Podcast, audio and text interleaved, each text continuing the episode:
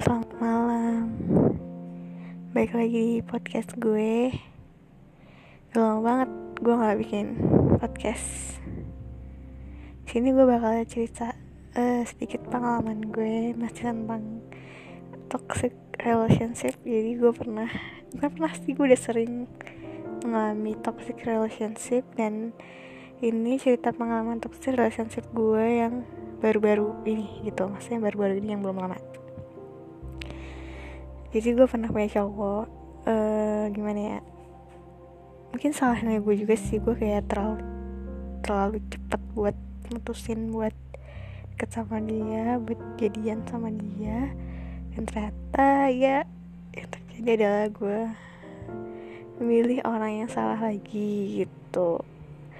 Karena gue dari awal gue yang gue rasain ya yang penting gue nyaman sama dia gitu. Dan ternyata itu salah gitu. Lo harus bukan cuma nyaman aja sih oke okay lah bisa itu kayak indikator utama lo dari cowok tapi kalau cuma dari nyaman aja tuh kayak nggak bisa dia buat tolak ukur kalau cowok itu baik gitu. Jadi singkat cerita gue pacaran sama dia tuh kayak sekitar ya paling lama sih sama dia karena selain dia toxic tapi versi baiknya dia tuh sabar ngadepin gue sama dia mau pertahanin gue gitu walaupun gue kayak uh, ngerengek-rengek pengen putus gitu tapi dia tetap kayak nahan-nahan gitu kan.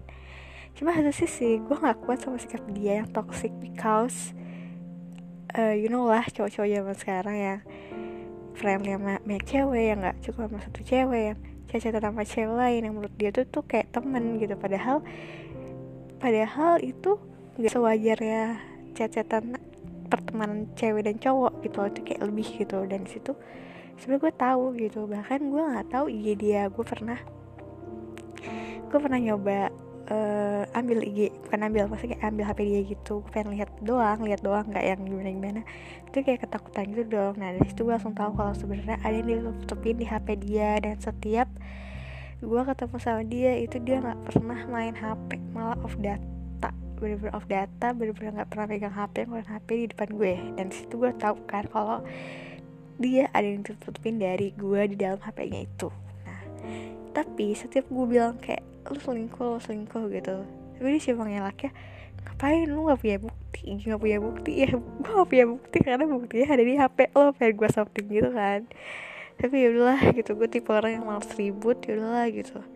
Tapi seiring berjalannya waktu lama kelamaan itu dia nggak berubah bener-bener nggak berubah. Jadi kayak apa ya sia-sia aja gitu gue membiarkan dia berubah dengan sendirinya tapi ternyata dia gak berubah. Dari situ gue mutusin buat kayak aduh nggak bisa nih. Ini kayak udah toxic banget deh. Bener-bener kayak gue nggak bisa gitu. Selain itu gue setiap jalan sama dia tuh kayak bener-bener dia nggak keluar duit sama sekali. Gue yang bayar semuanya motor gue bensin gue kayak dia ngutang gue utangin dan gak dibayar pula. Terus setiap dia punya uang udah loss. Kayak gue gak tau dia keberadaan dia di mana kalau dia lagi nggak punya kalau dia lagi punya uang. Tapi dia selalu nyariin gue kalau dia lagi butuh pertolongan bantuan entah bentuknya apa pun itu gitu. Pinjem inilah pinjem itulah inilah itulah minta uang lah. Gue kayak kalau ada gitu siapa lo lagi susah tapi pas lo lagi seneng gue nggak pernah tahu gitu keberadaan lo. Di situ gue udah ngerasa kayak wah ini nggak bisa nih. Ini cowok udah nggak bener ini udah toxic banget. Dia udah toxic banget. Sampai kata teman-teman deket gue udah udah putusin putusin gitu. Dan sampai kata keluarga gue aja yang gue ceritain walaupun cuma sedikit tuh kayak wah itu udah nggak baik kok cowok kayak gitu gitu kan. Tapi emang dasar gue batu batu kepala batu gue tetap pertahanin dia dong sampai ya lumayan lama lah ya. Dan dan finally kayak bener-bener udah gitu terus nggak ada kemajuan gitu. Nggak ada kemajuan di hubungan kita nggak ada kemajuan buat gue berubah eh nggak nggak ada kemajuan buat dia berubah dan ya udah gitu gitu aja kayak udah udah gitu. Nah gue suka kayak gue tahu sebenarnya toxic gue tahu kalau gue ini sebenarnya bodoh melakukan hal yang bodoh. Tapi nggak tahu kenapa gue masih tetap pertahanin dia dengan alasan gue sayang sama dia tulus tanpa alasan. Itu kayak gue suka ternyata gue sebodoh itu gitu. Tapi gue tetap nggak mau ninggalin dia. Gue kayak bingung aja sama diri gue sendiri ini gue lagi kenapa gitu ya kan. Sampai gue sampai teman gue tuh udah enak banget ngasih udah itu tuh udah nggak bener udah putusin udah nggak pernah ngasih perhatian nggak pernah ngechat telepon kalau lagi ada foto maunya aja. Itu kayak udah nggak wajar itu udah nggak sehat. Sampai perkara IG aja gue nggak boleh berteman sama dia di IG gitu loh. IG gitu. Yang notabene itu mau privasi dong harusnya. Ya kan? Tapi gue bener-bener nggak boleh berteman di IG gak di ACC IG gue samsak.